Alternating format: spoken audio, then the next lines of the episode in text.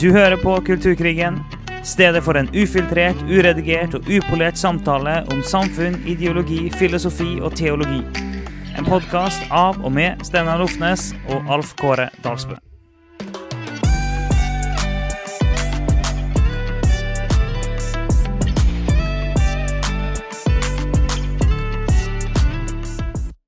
Men det er jo Nei. Nå falt det ut for meg med en gang. Men det er Ja. Hva skal du si, Alf Kåre? Er dette introen din? Oi, oi, oi. Du får se om du kommer på det mens jeg sier hei og velkommen til Ja. eh, Kulturkrigen igjen. Vi har en eh, ny episode her, endelig. Vi, eh, vi hadde jo egentlig planer om å ta opp en episode i, i forrige uke òg, og, og, men vi, til siste stund så tenkte vi at vi skulle få det til, og så klarte vi det jo ikke. Og så sa vi ingenting om det, at det ble noe påskeferie, eller eh, Det bare kom aldri en episode forrige torsdag. Så, men det er sikkert bare de mest hardcore lytterne som la merke til det. Og, eh, men vi er ikke forsvunnet uh, i det store dyp. Vi, vi bare klarte ikke å få det til forrige gang pga. påskeferie. Ja. Det, det er rett og slett forsvant ut. Men det skal jo sies at vi hadde påskekonferanse òg, da. Det skal sies. Så vi, vi, vi var jo litt vi, vi begge to forkynte på den konferansen, så vi var jo litt opptatt med andre typer ting. Vi, push, vi presset jo inn en liten påskeferie inn mellom, altså før konferansen der. Mm. Og da dro vi begge vekk. Mm. Jo, du, jeg holdt på å si at vi dro eh, inn i Sogn og Fjordane, men det finnes jo ikke lenger. Men du dro du skiftet faktisk fylke, du, da. For eh, jeg er jo egentlig veldig glad, på tross av mange, mange fra tidligere Sogn og Fjordane er jo litt trist for fylkessammenslåingen. Men jeg syns jo det er litt koselig, da, at eh, de basically de to stedene som jeg, får, eh, jeg er, som er i Bergen og Belofnes i Nordfjord, Mm. nå er jeg i samme fylke. Så nå Ja, kan nå- jeg nå er kun holde meg Vestland. innenfor Vestland. Ja. ja. Det er jo egentlig helt fint. Mens jeg som da vokste opp i Sogn og Fjordane, selv om det ikke høres sånn ut på, på dialekten min, så jeg, jeg syns faktisk det er litt synd, da, at det ble Ja. Vestland. Det, jeg, har, jeg, har, jeg, har ikke, jeg har ikke sterke Jeg har ikke militante meninger om det, kan vi si. Eh, Men, eh, men eh, nei, jeg syns det var litt dumt. Ja, men det er klart det er Selvfølgelig, det er jo gjerne sånn at det fylket som, som var det, det minste i folketall, Ja, ja. er jo på en måte de som på en måte kjenner mest på det presset og frykten for å bli Forsvinne.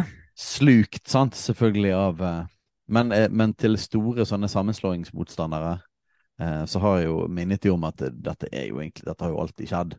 Husker at Sogn og Fjordane det er jo en sammenslåingsnavn i seg sjøl. Eh, det var jo to forskjellige fylker, det òg. Eh, Men, eh, men til og med Fjordane er jo eh, sammenslåing av Nordfjord Ja. og Sunnfjord. Ja, det er helt sant. Og Sånn de er jo ikke bitre fiender. ja. Eh, nå, nå forsvant vi langt ned i lokalgeografi her. Det hadde Ja, ikke jeg tenkt, ja. at vi Ja, gjøre. men det var jo litt kjekt. Jeg tenkte at det kunne vært til glede for våre lyttere med de heavy temaene vi pleier å ha. At, Ja. eh, vi hadde litt sånn. Men du var jo oppe i, de, i, Ja, oppe i det som eh, etter hvert sikkert mister retten til å, til å være Vestlandet, siden de ikke de ble med i Vestland fylke. Da. Så, eh, om et par generasjoner så, så blir de sikkert slått sammen med Trøndelag. ja. Jeg var jo helt oppe i Romsdal. Yes. Ja. Men det er jo langt, langt ned. eh, Jeg skjønner jo, skjønner jo det, da. Det er jo på en måte raskere å kjøre østover og nordover fra Møre og Romsdal enn oh, ja, ja. Det, det føles Ja, definitivt. Det føles mer ut som eh, Trøndelag enn en Vestland, vil jeg si. Ja. Men Det- altså, det- geografien ser, er jo Vestlandet. Altså, Ja, ja. du, du ser at det er vestlandsk, men rent sånn Kysten. logistikkmessig så er det jo, eh, er det jo langt unna, da. Men uh, i alle fall, da, før vi får kjenne altfor langt inn i det, så vi har, vi har rett og slett bare hatt, påske, vi har hatt påskeferie og påskekonferanse. Det er det vi Ja, hatt. og det, det var egentlig vår lille sånn ferieprat. det var om geografi. Ja. Ikke, så mye om hva vi gjorde med familiene våre, sånn, men vi, vi snakket om lokalgeografien. Og at vi begge kjørte bil og, og gjennom over broer og gjennom tunneler Ja, og ferger. Og, Jeg kjørte jo med bil masse alene med ungene òg. For Ellen måtte jo fly hjem til Bergen for å jobbe sånn, jeg var sykepleier. Eh, Ja. Så da eh, måtte jeg kjøre nedover fra Molde, da, med ungene alene i bilen. så siste bit, da. Altså Nå er det jo faktisk bare én eh, ferge opp til Nordfjord, eller til sør, sørsiden av Nordfjord, som vi er på, da. Ja. Til hvis man skal over, over der du kommer fra. Men hvor mange ferger er det til Molde? Det er jo fire, det. Fire, ja. Ja, ja. Ja, Det er heftig. nå, nå roter vi oss langt uti Ja, greiene. ja, her, men jeg altså. tenkte det skulle være det siste geografiske elementet. Vi kunne Ja. jo fint hatt en podkast om geografi òg. Vet du Vi, hva? vi liker faktisk geografi. Å, ja, altså, det, det vet jo ikke folk, men eh, at vi er faktisk veldig geografiinteressert. Og nå må vi ikke åpne den, eh, den der døra for mye, altså, den må slenges igjen. Men jeg kunne lett, bare på gøy, ha starta en geografipodkast. Altså, det hadde vært helt topp. Altså. Jeg syns det det er så kjempegøy. interessant. Altså, det er jo ca. 15 podkaster til vi kunne hatt. Ja, ja. Vi kunne hatt eh, i alle fall én om dagen. Ja, Det ja det kunne vi. Det kunne vi. Så, eh, men vi elsker å spille spillet til som heter GeoGuessr. Altså, Eh, det må, det må vi bare si altså, til folk her, hvis du ikke har spilt GeoGuessr. Det er, og det spillet er rett og slett bare at du droppes på et tilfeldig sted i Google eh, Ikke Google Maps, men eh, Street View i Google Maps. Og så må du finne ut hvor hen i verden er du. Det er et magisk spill. Og det er helt, det er helt vidunderlig å sitte sånn som vi gjør med vår, vår vennegjeng. Og så og sitter vi og diskuterer. Hvor hen er vi nå? Og så diskuterer vi oss fram. Og man lærer jo etter hvert eh, veldig interessante detaljer. For eksempel dette kommaet som er på slutten av østerrikske eh, veiskilt, som du ikke har i Tyskland. Eksempel sånne små detaljer som skiller land fra Det, det er sånn du vet om det er Østerrike eller Tyskland. Eller hvis det er gul stripe på begge sidene av veien, så vet du at du er i Sør-Afrika. Yes. Så det, var, det Selv om masse det er rød jord, og det kan ligne veldig på Australia. Men Ja. stripen avslører det. og, du, og du kan se på dreneringa langs veien om det er Brasil, liksom. Det er Altså, og lyktestolper. Oi, Ja, der er det mye, det er mye snacks. er det betonglyktestolper, eller er eller er det noe annet? Det må, du, det må du se på, altså. Så gikk vi opp i vi, Det ble en, enda en geografirunde her, da. Men, uh, ja, men det var jo kjekt. Da fikk vi litt sånn ferieprat her. Og så skal Ja. vi hoppe inn i noe annet. Vi skal det. Og hvor skal inngangen til her være, da? For det her er jo litt sånn når vi eh, snakker litt eh, Vi prøver jo å snakke minst mulig før vi starter opptak, men vi må jo ofte snakke litt før vi begynner. Eh, Og det er ikke alltid det er like klart for oss eh, hva, hva vei episoden skal ta, for vi har så utrolig mye vi kan snakke om. Eh, Og det er, så det, for oss handler det aldri om at vi ikke vet hva vi skal snakke om, vi bare vet ikke hva vi skal velge å snakke om. Det er det som er utfordringa, alltid. Det er alltid mye å si. Det er alltid mye å si, det er veldig mange ting å gå inn i. Ehm, så vår metodikk er jo egentlig ganske enkel. Vi, vi begynner bare å prate, så kjenner vi hva er det som tar tak nå. og, så, og så bare går vi inn i det. Ja, så da skal jeg prøve, da, basert på litt denne her litt sånn losen vi fikk, eh, lille hintet vi fikk, da skal vi prøve å lage en slags eh, tematikk, da, eller en overskrift, eh, for Mm. hva dette skal handle om, da. Så vi har lyst til å snakke om totalitære regimer, eh, og konseptet at du får befolkningen til å ikke tro på en løgn, men å si noe du vet er en løgn. Mm. Eh, og koble det sammen med en del ting som skjer i vår kultur, og en del ting som vi opplever at er paralleller til det da, i, eh, eh, hos oss. Altså ting som vi rett og slett ikke tror på i Norge. Hvis Mm. du hadde spurt folk, altså helt ærlig, så tror du ikke på det. Men vi sier det likevel. Og vi- Eh, Ja, vi mener at det er en del ting som har de tendensene i seg, med at folk sier ting som de egentlig ikke tror på. Og det er faktisk et uh, Hva skal vi kalle det? Det er et eh, jeg det, det er ikke totalitært i seg sjøl, men det er et tegn, eller liksom Ja, et, et, et, det- det- element? skal Ja, det, det, det, ja, et totalitært element, eller på en måte, noe sånt kan du nok si at det er. For det er en, det er en uh, ting som går igjen i totalitære regimer. Det er en frukt av totalitære, totalitære regimer og tankegang, kan du si. Og vi mener jo det at eh, jo det at eh, det er mye i dag i forhold til uh, mye woke-greier og transdebatt og en del uh, skeiv teori og sånn som er totalitær. Det er ikke bare autoritær, men det er faktisk totalitær. Og så må vi kanskje definere skal vi det litt. forklare litt forskjellen på det? Ja, for, det, for det, det vi ikke sier, det er at vi, at vi, at vi lever i et diktatur. Vi er jo Nei. fantastisk heldige. Vi, vi lever i et veldig demokratisk samfunn. Um, og på de fleste, kan du si, områder lever vi i et veldig veldig fritt land og er utrolig takknemlig for det, og lever i en veldig fri del av verden. Uh, men, men, det området, området, der det på en måte er en stadig innsnevring, da, det er jo på det som går på tanke, tankeområdet, eller hva som er riktig å mene. Så det er klart Alle kulturer har jo tabuer og ikke tabuer, ting som er korrekt og ikke korrekt, og ting som du skal tro på og ikke tro på. Men dette har vi jo opplevd en sånn en helt klar innsnevring på, og vi har jo vært bort, snakket om dette i Kulturkrigen før. Men vi har lyst til å drøse litt mer rundt det. Um, på mange måter så er jo det begrepet politisk korrekthet er jo veldig koblet til dette. Altså politisk korrekt betyr at det er noe i alle fall på en måte den allmenne forståelsen av noe, så betyr det at det er noe som man vet er det korrekte i hermetegn å si eh, og mene. Men det er ikke det nødvendigvis alltid det du mener likevel. Men hvis du er politisk korrekt, så ligger det litt i sakens natur at, du er, at det er en liten sånn et annet begrep, da. Virtue signaling. Altså um, Det finnes et, en dårlig oversettelse på det. Men altså, du, du, du prøver å fremstå Mm. Eh, på en måte som er, ja, som, er, som er, akseptabel i kulturen. Men, eh, men, men virtue er jo men virtue er jo en dyd. Du prøver ja. å signalisere dyder. Sånn, du prøver å signalisere en, en opphøyd moral. Ja, så, så, du vil fremstå som det som er korrekt for at du skal bli akseptert. Ja. Men det er ikke nødvendigvis Det er ikke sikkert at du faktisk tror på de tingene. Du fremstiller. Så du, så du, er ute etter på en måte å, å, få en eller annen feedback eller kulturell aksept. Um, men det er ikke sikkert at du egentlig tror på de tingene. Og, og, og, da er vi litt inne i den Så det begrepet sier egentlig litt noe om hele den mekanismen vi har lyst til å snakke litt om. Som um, Kanskje vi kan komme med noen, noen, noen eksempler fra virkelige totalitære samfunn? Hvordan, hvordan det Ja, jeg tenkte Vi kan bare kjapt prøve oss på en, en distinksjon her. Eh, og en slags definisjoner eh, på autoritære og totalitære. For vi hører ofte sånne totalitære regimer, eh, autoritære regimer og sånn. Og jeg skal prøve å forklare det sånn kort og litt sånn folkelig.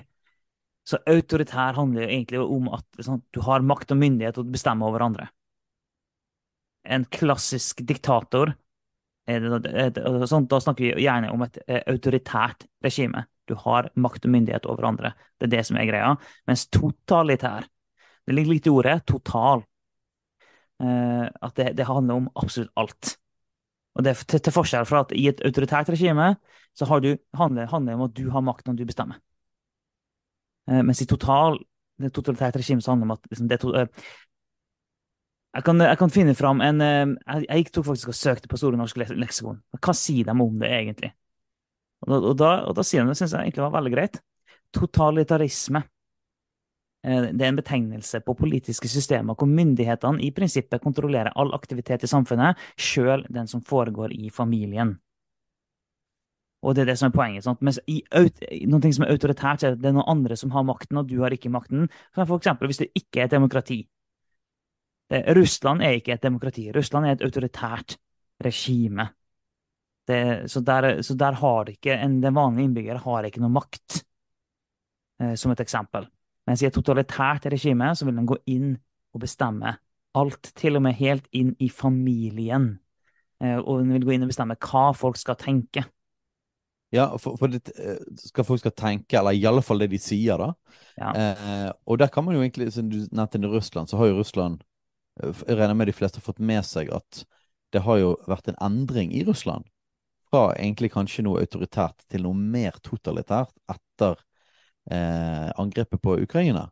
Mm. Eh, fordi at da kom det plutselig lover i forhold til hva ord du kunne bruke, eller hva begrep du kunne bruke. Det er for eksempel, hvis, hvis jeg har eh, faktaene mine er riktige nå, så er det sånn at hvis du sier at Russland har gått til krig mot Ukra Ukraina, du ikke bruker det korrekte begrepet militær operasjon, så er det 15 års fengsel.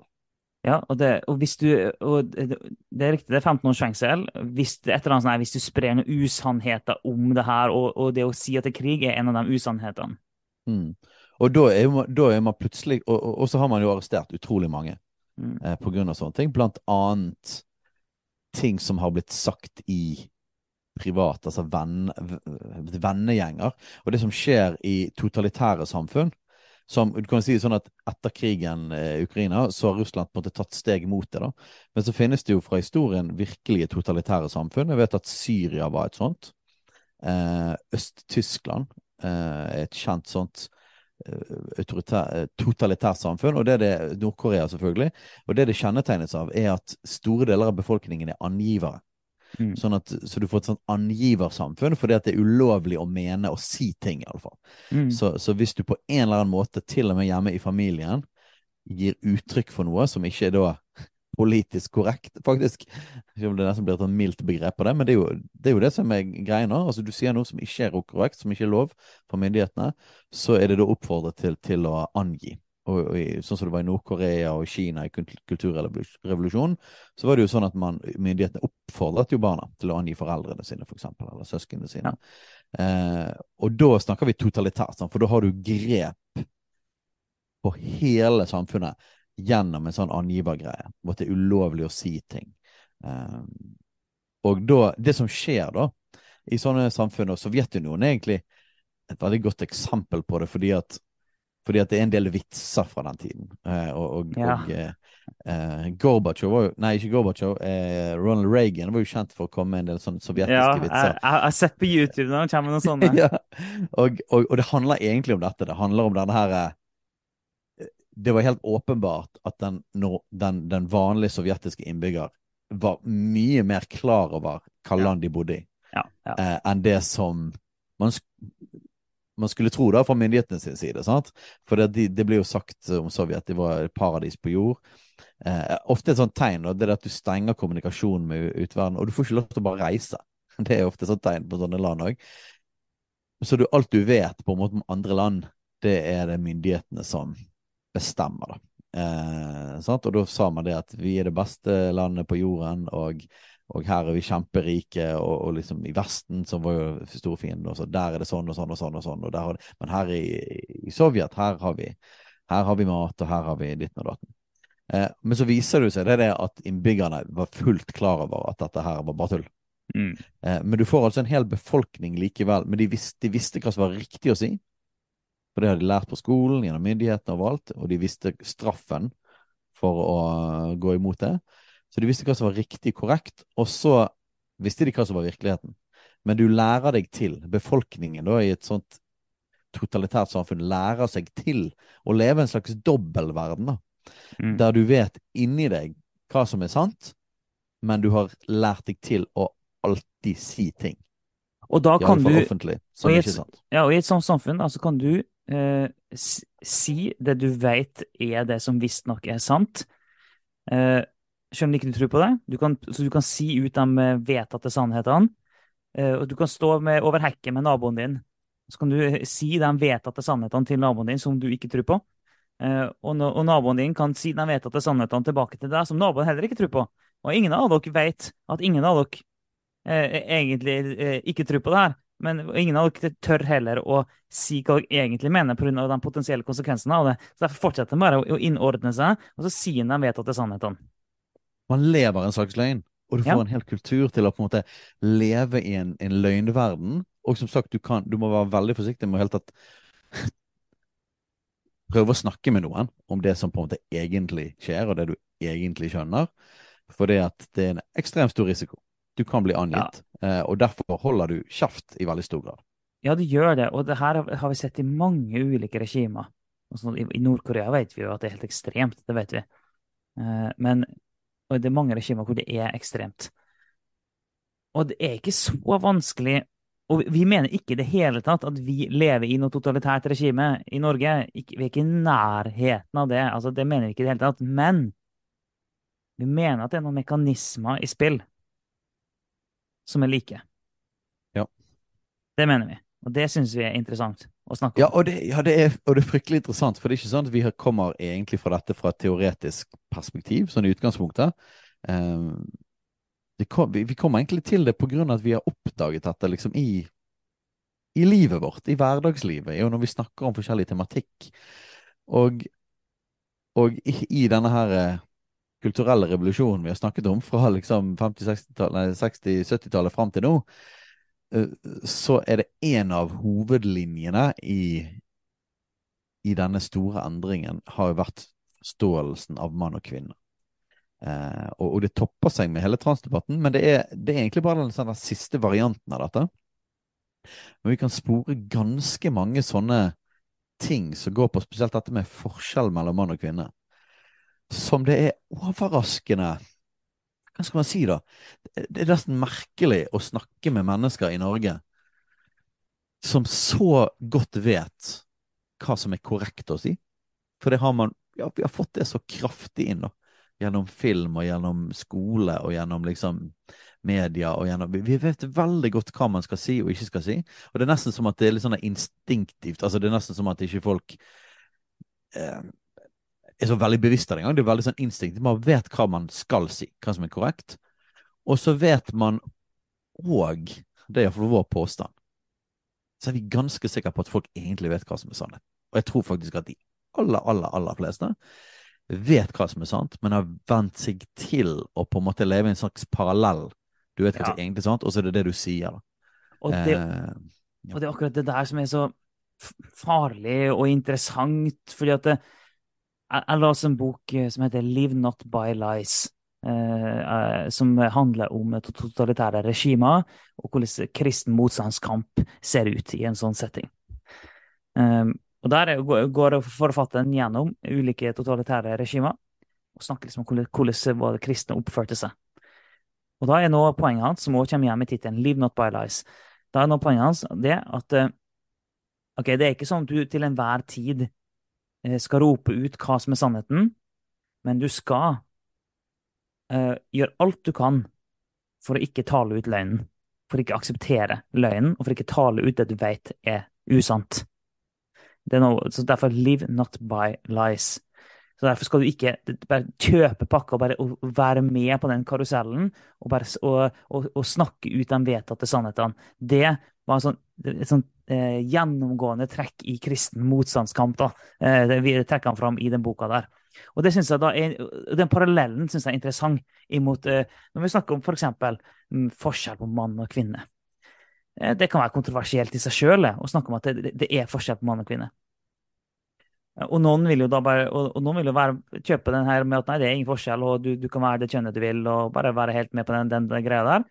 Men så sånn Veldig mange, jeg vil si at nesten alle, utenom de aller, aller mest radikale aktivistene, så vil jeg si at jeg tror nesten alle egentlig ikke tror på det. Jeg tror, jeg er ganske overbevist om, at det store, store flertallet tror at det er forskjell på mann og kvinne. Men en tør kanskje ikke å si det. Derfor bare blir en med på at nei, det er en er det en har lyst til å være.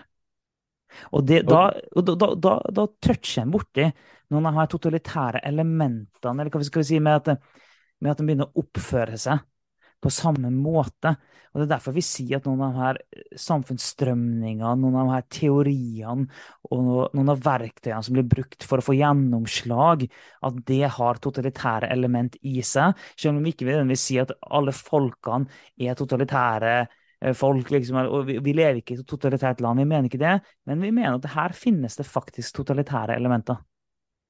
Ja, og, og hele transgreien er jo interessant. Vi kan jo komme tilbake igjen til den igjen òg, men det er så vi prøver. Det er en så ekstremt eksempel, så vi kommer liksom alltid innom det i alle ting vi snakker om. Um, men det er jo grunn til det, da. Men det er liksom bare toppen av kransekaken de siste årene. Jeg har lagt merke til, Vi har jo på, på Mammas hjerte, så podkasten, så uh, jeg er litt sånn vikar inne der, og vi har noen episoder med meg, meg og min kone, da. Så vi begynte å snakke litt om dette med mann og kvinne og sånne ting. Så det. Og og én ting er nå uh, forskjellige meninger og på en måte greier om tematikk som underordning og alt sånt, det er nå én ting. Men bare liksom konseptet å snakke om ikke bare biologiske forskjeller på mann og kvinne, men psykologiske forskjeller på mann og kvinne. Det er det mange som reagerer på. Ja. Det er en veldig fascinerende ting. Så Da er ikke du inne i transke eller noen ting. Du er kun inne i Er det forskjell på mann og kvinner inni oss? Altså i, i, i, i måten vi tenker på. I måten vi føler. Psyken. Psyk, mm. Er det psykologiske forskjeller på mann og kvinne? Uh, og, og, der er det sånn du merker det er så overraskende motstand på det. Fordi at vi har blitt lært opp til eh ganske systematisk gjennom veldig mange kanaler det at det ikke er forskjell. Og dette er en del av det feministiske prosjektet. Det er på en måte å utviske sier, de indre forskjellene, eh, og videre da kjønnsroller. At, at ikke kjønnsroller har noe med hvordan vi egentlig er, men kjønnsroller er sosialt konstruert. altså Det er noe som er presset på, altså kultur. Sant? Eh, og da på en måte Det har vært en sånn systematisk arbeid i, i land som Norge eh, på å få inn i tankegangen vår, helt fra vi er små Dette har jeg jo lest i mine barn sine skolebøker òg. Eh, det er ganske tydelig. Det skrives masse om eh, kvinnelige vikinger på tiden. og Det, skrives, altså det, det er et veldig tydelig prosjekt om å liksom at å, vi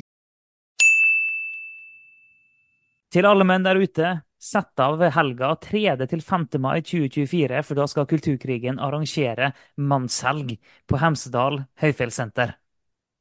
Da skal vi gå inn i eh, mannstematikk koblet til kulturkrigen. Altså, hvordan er det å være mann i denne krigen vi står i i samfunnet, og hva er faktisk vårt ansvar og vår rolle? Så hvis du syns det er interessant, og hvis du liker å høre på denne podkasten så går du til fjells.no og melde deg på mannshelg med Kulturkrigen 3. til 5. mai. Gjør det nå. Viser det at kvinner egentlig er helt like som menn inni seg. Det er bare de kulturelle forskjellene, de kulturelle forventningene som har vært forskjellige. Sant? Så så lenge vi frigjør oss fra de kulturelle forventningene, eh, så er vi blank slate på innsiden. Altså vi er, vi er like innsiden, så, så, det er det som former hvordan vi er da. Men, så det snakkes altså imot at vi er faktisk grunnleggende forskjellige i utgangspunktet, altså hvordan vi er lagd. Mm. Um, problemet er bare det at dette er ganske massivt tilbakevist uh, vitenskapelig. Og det er faktisk en bio, sterke biologiske grunner til å si at det er bare tull. Eh, biologien, for eksempel, og østrogen og testosteron, får psykologiske virkninger. Ja, ja. Eh, og, og det, altså det, egentlig totalt ukontroversielt. Altså det, er, det er rett og slett biologiske fakta. Eh, og, og, har du da eh, Jeg vet ikke hvor, hvor mange ganger mer testosteron menn har. Det, eh, glemmer alltid det tallet der. 15-17 eh, eller 20 ganger eller et eller annet sånt. Det, det, det, er det området der. Helt sinnssyke store forskjeller, iallfall. Eh, eh, så er det jo Det er helt umulig å komme vekk fra at det ikke da vil være forskjeller i følelsesliv, tankeliv, i, og i oppførsel. Altså det, det, det, biologisk så kan du ikke egentlig tro på det. Du kan ikke stå for det. Altså det eh, og i tillegg til det, eh, fra, fra, vekk fra vitenskapen, det er bare sånn at dette er alles instinktive erfaring gjennom hele livet. Ja, ja. Du skal ikke få meg til å tro at folk faktisk tror at det ikke er forskjell på små gutter og små jenter. Mm. At, det, at, det, at, det, er ingen forskjeller på menn og kvinner. Alt er bare kulturelt. Mm. Eh, vet du hva? Jeg, jeg, jeg, klarer ikke å tro at det går til en gjennomsnittlig nordmann, og hvis du helt sånn ærlig i lukket rom, mener du at det ikke er noen psykologiske forskjeller på menn og kvinner? Så vet du hva, jeg har ikke sjans at jeg tror at folk faktisk tror på det, og derfor er det så interessant at man likevel offentlig vil hevde det. Ja, at den likevel offentlig vil hevde for at, ok, Vi vet sånn, rent sånn vitenskapelig, biologisk, så er det forskjeller. og Det er jo XX og XY-kromosomer og sånn. Så uansett hvor mange operasjoner han gjør, så vil, og sånn så vil det fortsatt være. Vi kan aldri endre på det i kroppen. Uten å gå langt inn i transgreier nå. Men poenget mitt er at, sånn, at det der er eh, ulikt. Hjernen har litt sånn ulik størrelse på ulike ting. Alt der, det er altså det, En ser det, det er ulikt. Eh, Og naturligvis selvfølgelig det med at noen kan lage fødebarn og andre ikke, og hele pakka der. Så det er jo ingen tvil om at det er fysiske, biologiske, definitive forskjeller, og likevel så er det for en del vanskelig å gå med på at menn og kvinner er forskjellige. Og det er jo interessant i seg sjøl. Hvorfor i all verden er det vanskelig? Eh, og har jo nevnt det før, mener jeg, men jeg syns det er så fascinerende. Jeg har hørt to historier med eh, Det ene var en, eh, en, dame som ville bli mann. Så hun begynte på testosteron og ulik sånn behandling da, for å bli mann. Der hun endte opp med at uh, hun ble så utrolig kåt. Og uh, sexdriven gikk i taket. Og hun objektifiserte alle kropper hun så. Hun har aldri vært borti noe sånt før. Aldri. Og, og, og, helt, helt ny opplevelse. Um, og, og så når jeg hørte det, tenkte jeg sånn Ja, nei, det, ja, det, det, du opplevde, egentlig bare var en vanlig hverdag for en mann. Det er det du opplevde der. Det er, sånn, det, er det, du, Bare, ut, bare uten å ha noen erfaring med hvordan du dealer med det. Ja, ja. Det er liksom det der er det alle menn opplever når en kommer i puberteten, og i mange, mange mange år så er det det der menn opplever dag inn, dag ut. liksom. Det som du fikk, eh, fikk rett i trynet der. Jeg har òg hørt om kvinner som tar ulike steroider da, for å prestere i sport og idrett, og sånn, som må oppleve akkurat samme, for testosteronnivået blir så høyt. Som opplever akkurat samme på det, liksom det seksuelle. da, Med at en blir så opptatt av kroppene, og en kjenner en sexdriv som er totalt langt over den en noen gang har vært borti før. Og da, og poenget, så Det er jo både litt sånn artig i seg sjøl, men poenget mitt da er at når du har, du har fysiske kropper som produserer ulike mengder av kjemikalier, hormoner, sånn, f.eks. testosteron, og så ser en hvordan det påvirker tanker, følelser, oppførsel på sånn, ja, Selvfølgelig så gjør jo det til at kroppene gjør at vi er og vi ser verden forskjellig. Vi opplever ting forskjellig, vi føler ting forskjellig.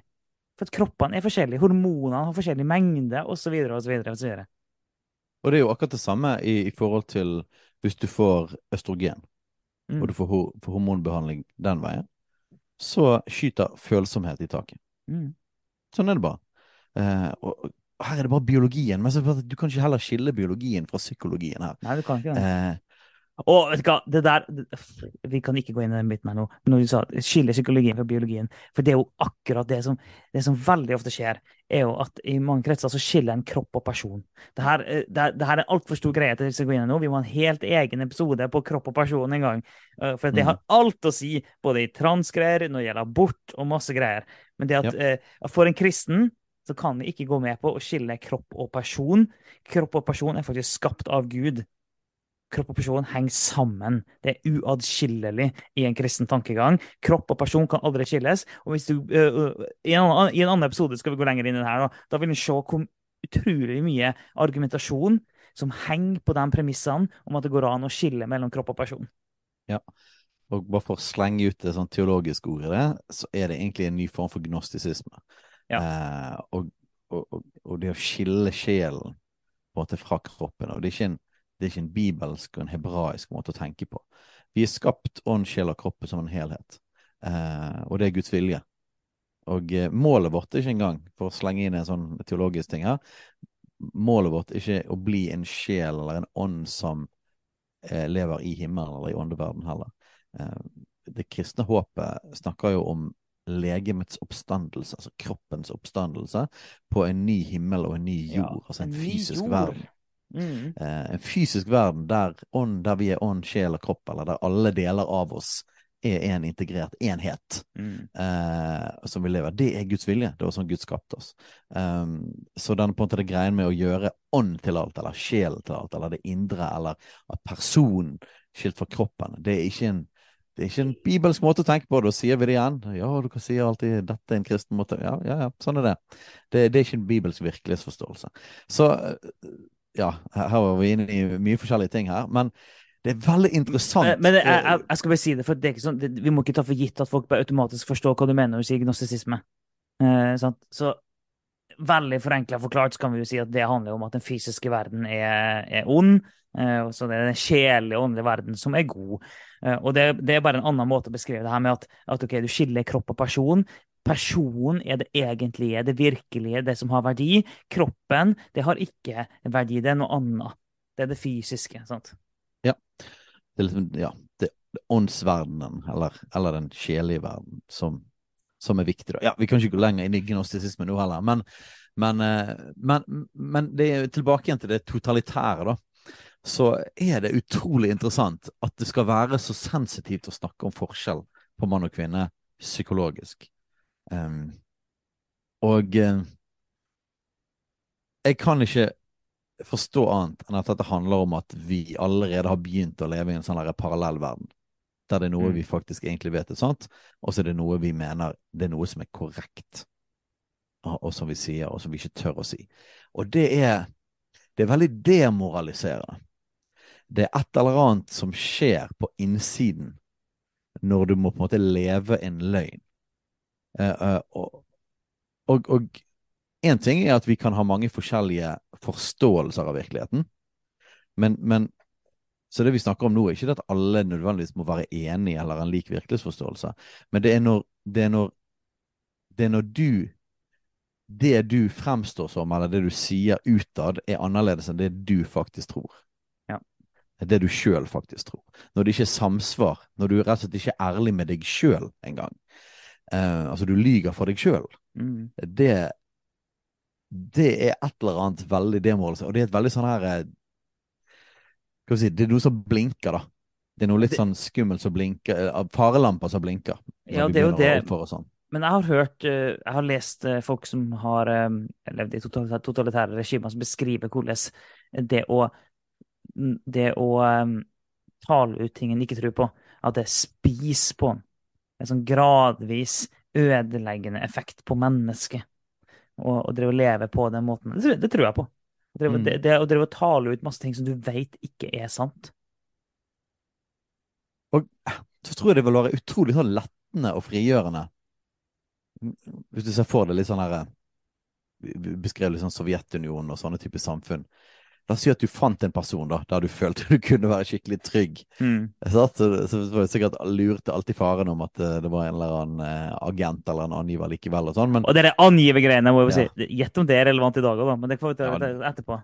ja, men det er det. Det, er- det er relevant. Bare Men la oss si da, la oss si at du, du, du fant en eller annen person, så du bare sånn her Du på en måte Du visste liksom at du kunne være trygg med, og at du kunne bare sitte og snakke sammen om hvordan dette egentlig er. Hvor lettende det er, da.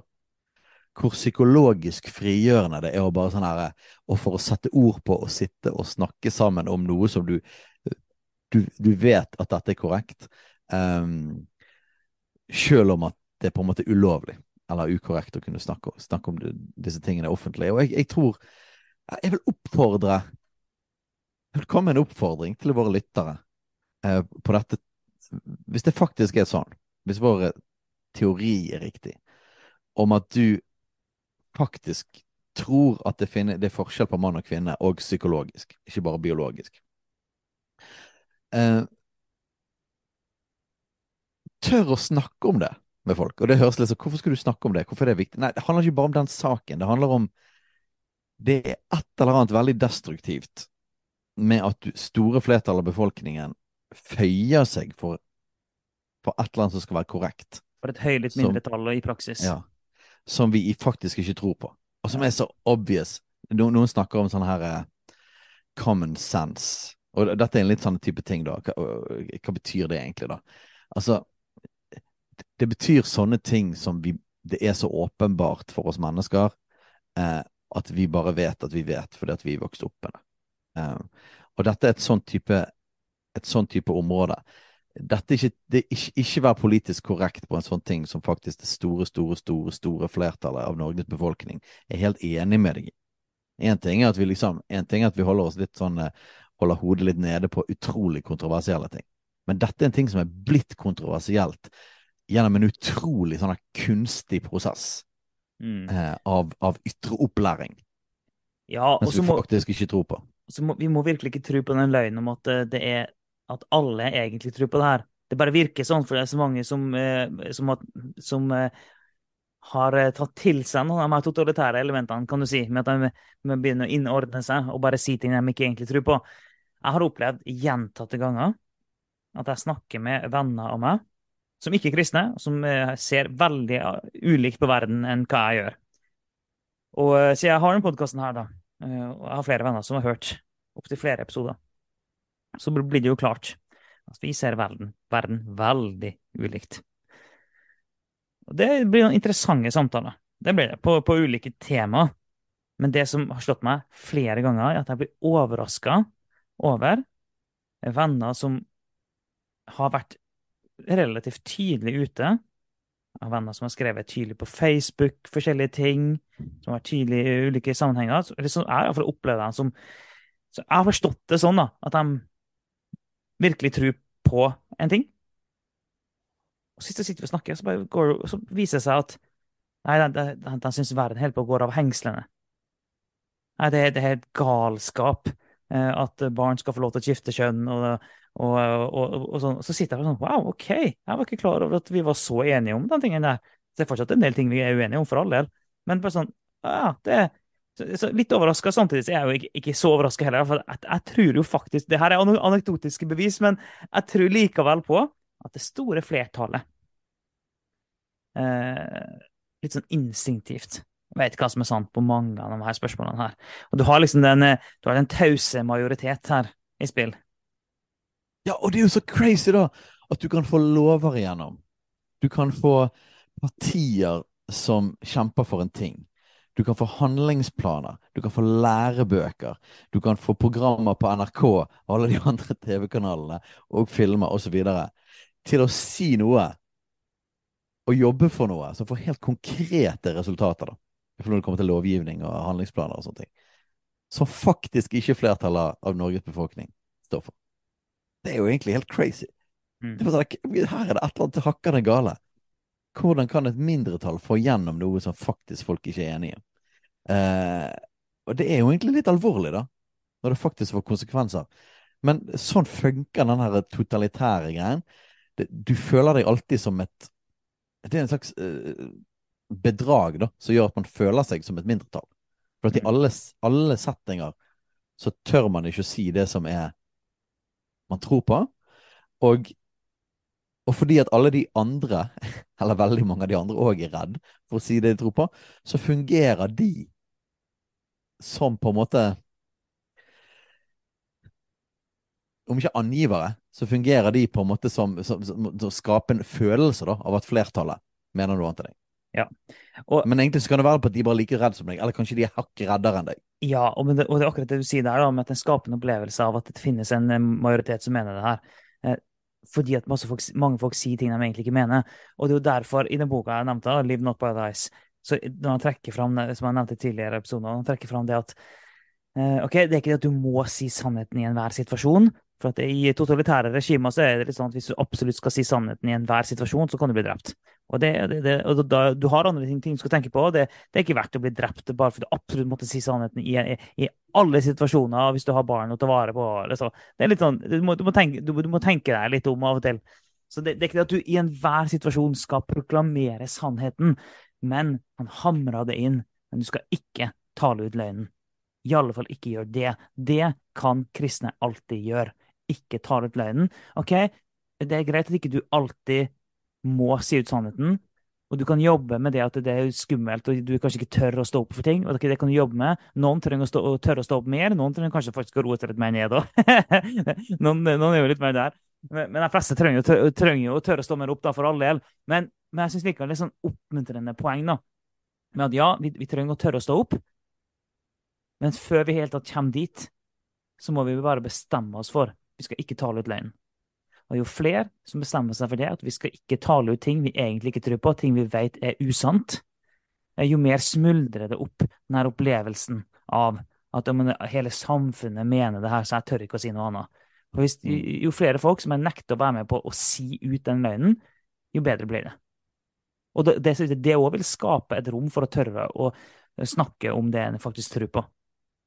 Så, sånn, yes. så det er sånn budskap til alle kristne at ja, OK, vi, vi vil jo naturligvis si at det, det, alle kristne trenger å tørre å stå opp for det en mener, og for Bibelens sannhet og sånn. Vi vil jo si det. Men OK, la oss begynne et annet sted, da. La oss bare begynne med ikke være med på løgnen. Begynn der. Ja. Og, og bare det å vite at uh, klart Nå er det vår påstand at ikke alle tror på dette, men jeg, er såpass trygg på iallfall at det er forskjell på mann og kvinne, forskjell på, på gutter og jenter. Det, det, jeg tror det er ganske riktig, da, vår påstand om at, om at, det store flertallet av mennesker i Norge er enig med oss at det finnes en sånn forskjell, eh, og at det er ganske åpenbart.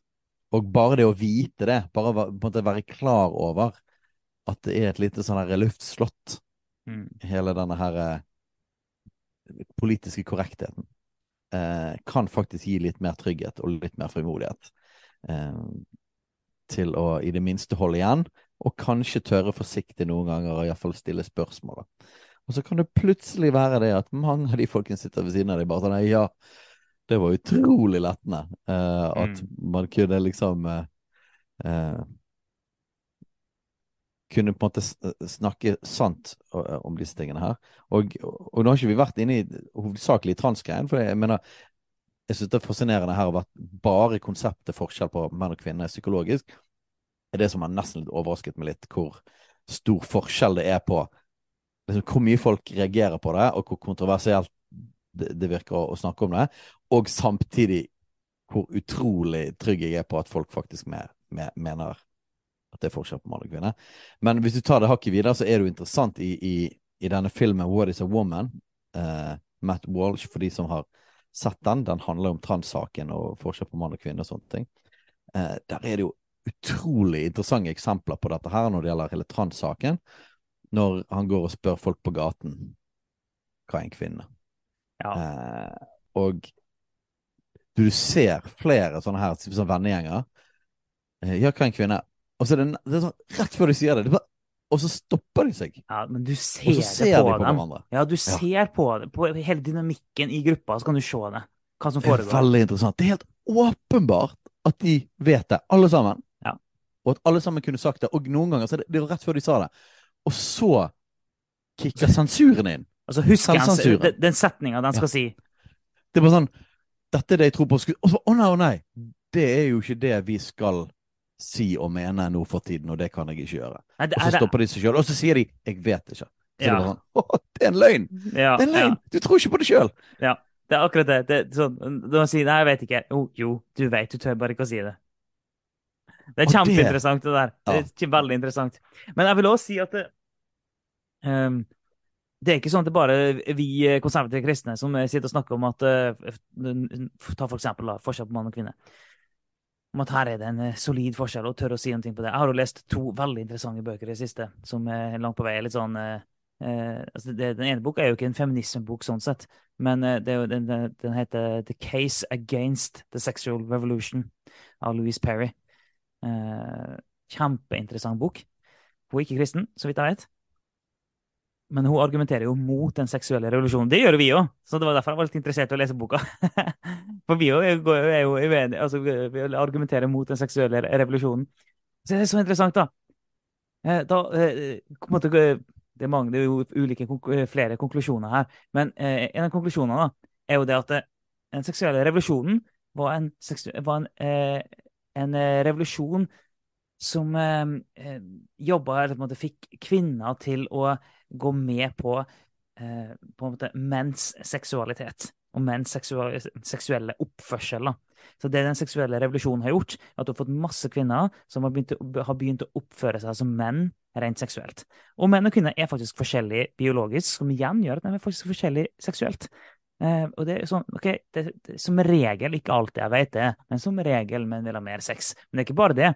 Men det her er det gjort undersøkelser på, da. Eh, En, en, det var en undersøkelse der en spurte tilfeldige menn om sånn Ville du ha hatt sex med liksom en tilfeldig dame? Eh, noe sånt, sånn Og det var sånn nesten 100% av mennene sa ja. Jeg lurer på om det var 0% av damene som, som, som sa ja.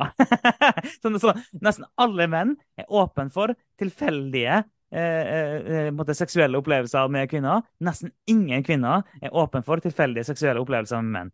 Altså, det er sånn, og og, og så sånn, En har gjort undersøkelser på Tinder der en ser at eh, nest, altså, nesten alle menn syns at de, nesten alle damene er interessante. og så er det sånn Nesten ingen menn, nei, nesten ingen kvinner syns at, eh, at, at mennene er interessante. Så, så, så eh, kvinnene sånn, forsvinner litt, litt lav andel, som de som sveiper høyre på, eller hva det er, men de liksom eh, tar tommel opp på en mann. For det, det, er så få menn de liksom blir tiltrukket av, mens menn blir tiltrukket av nesten alle. Så det er, så, det er kjempekomisk forskjell. Men eh, så det, hele seksualiteten spiller seg ut helt forskjellig, da. Og, eh, og så menn er mye mer åpne for å ha mange seksualpartnere enn det kvinner er. Som når vi snakker på statistisk nivå her, og samfunnsnivå. Så, eh, og det er jo ikke så rart heller, et sånn, eh, du kan kalle det evolusjonistisk om du vil, med tanke på at kvinner eh, springer en mye større risiko når det gjelder sex, fordi at en kan bli gravid og ha enorme konsekvenser for en kvinne. Men så har du alt som har med voldtekt og overgrep og sånne ting, og at kvinner er mye svakere enn menn. og, og sånn, Så det, det, er mye farligere for kvinner. Men Eh, så når hun da argumenterer for at ok, seksuell revolusjon har vært en revolusjon der kvinner har på en måte blitt såkalt frigjort hermetegn, inn i menns seksuelle oppførsel, så egentlig så har kvinner bare blitt mer bunden av den seksuelle revolusjonen, er det hun argumenterer for. Så hun argumenterer for at hun må gå tilbake, og at kvinner bør være mer avholdende til sex. Kvinner, kvinner bør faktisk holde tilbake sex til en mann er villig til å forplikte seg. Og hun løfter opp ekteskapet som det aller mest frigjørende for en kvinne. og det, var sånn, det er så morsomt, da, for sånn som oss. Sånn, å ja, ekteskapet blir framheva som kvinnefrigjørende, for det som oppbygger kvinnen. Og akkurat det samme, konklusjonen, var det en annen eh, dame òg, som heter Mary Harrington, som eh, hadde skrevet en bok som heter 'Feminism Against Pro Progress'. Basically samme konklusjon. At det mest frigjørende eh, for en kvinne, feminisme i dag, er ekteskapet. og det er utrolig komisk, sant? for det er jo en reversering av hele, hele dette prosjektet som har vært i så mange tiår. Og på en måte feminismen har på en måte vært sånn fanebærer på mange måter for nedrivning av, ja. av det kristne seksualmoralen og rammene og ekteskap og de tingene der. Men kanskje det da For oss, sant, selv om disse ikke er kristne, så ser vi jo stadig flere folk eh, som begynner å se de negative konsekvensene av de endringene vi har gjort, og som ender tilbake igjen, eller ender på eh, samme konklusjon som det som Bibelen har beskrevet mm. hele tiden. Og for oss er det jo bare enda en bekreftelse på at vi tror virkelig at Gud er god. Han har ja, skapt oss, han har designet oss. Han vet hva som er best for han. Han har ikke skapt rammene fordi at han vil binde oss og undertrykke oss. Nei, han har skapt dem fordi det er det beste for oss. Han vet hva vi trenger. Eh, og, å løse opp på de tingene her skaper kun trøbbel for oss sjøl. Så eh, veldig fascinerende å fra, fra den vinkelen uh, begynne å høre disse argumentene. Ikke basert på bibelvers eller noe, nei, nei. men rett og slett basert på forskjell på mann og kvinner og statistikk, og for, altså det man ser av konsekvensene faktisk i kulturene. Så sekulære feminist, eh, feminister som egentlig da bare lander på bibelske konklusjoner for samfunn, samliv, relasjoner, mann, kvinne, kjønnsroller osv. Ikke på den som alle ting, men på mange ting. Det er kjempeinteressant. Nå skal jeg eh, svigers på, en, eh, på et uh, middagsbesøk. Andre påskedag er det i dag på, uh, på uh, denne opptaket. Uh, så vi, må, vi sa ikke noe til hverandre før vi satte på opptaket når vi skulle slutte. Men, men jeg tror vi kan si likevel at jeg syns dette, dette er et spennende tema. En spennende, en spennende samtale. Og, og jeg har lyst til å bare lande for min del i, i, i det at, at vi tror virkelig at Gud er god, altså. Ja. Det er et sånn eh, underliggende budskap for oss. Vi er, vi er, vi er mer for noe enn vi er mot noe. Uh, men vi tror virkelig på den fantastiske guddommelige designen av oss mennesker. Når vi snakker om at mann og kvinne er forskjellige, så er ikke det undertrykkende. Nei, det er en feiring av forskjellene Gud har skapt. Uh, jeg er veldig glad for oss når jeg ser på naturen, at eh, ikke alt er likt. Ja. Eh, at ikke alle trær er like. Ikke, altså, forskjeller er ikke negativt, det er vakkert. Det er en del av Guds kreativitet. Berikende. Ja. så når vi putter dette inn i et sånn marxistisk makthierarki hele tiden, at alle forskjeller betyr undertrykkelse, så har vi briller på oss som bare gjør oss ondt. Forskjeller betyr ikke undertrykkelse. Uh, jeg tror det at Hvis vi lever etter Guds rammer, så tror jeg det faktisk betyr blomstring for både kvinne og mann og barn osv. Ja, og det er nå budskapet vårt igjen og igjen. sånn at Evangeliet betyr jo gode nyheter. Men som hele Bibelens budskap Så kan du selvfølgelig si at det er evangeliet, da, men hele Bibelen er gode nyheter. Hvordan Bibelen viser oss hvordan vi skal leve. Det er gode nyheter for oss. Det er et godt sted å avslutte. Yes. Da snakkes vi. Ha det bra.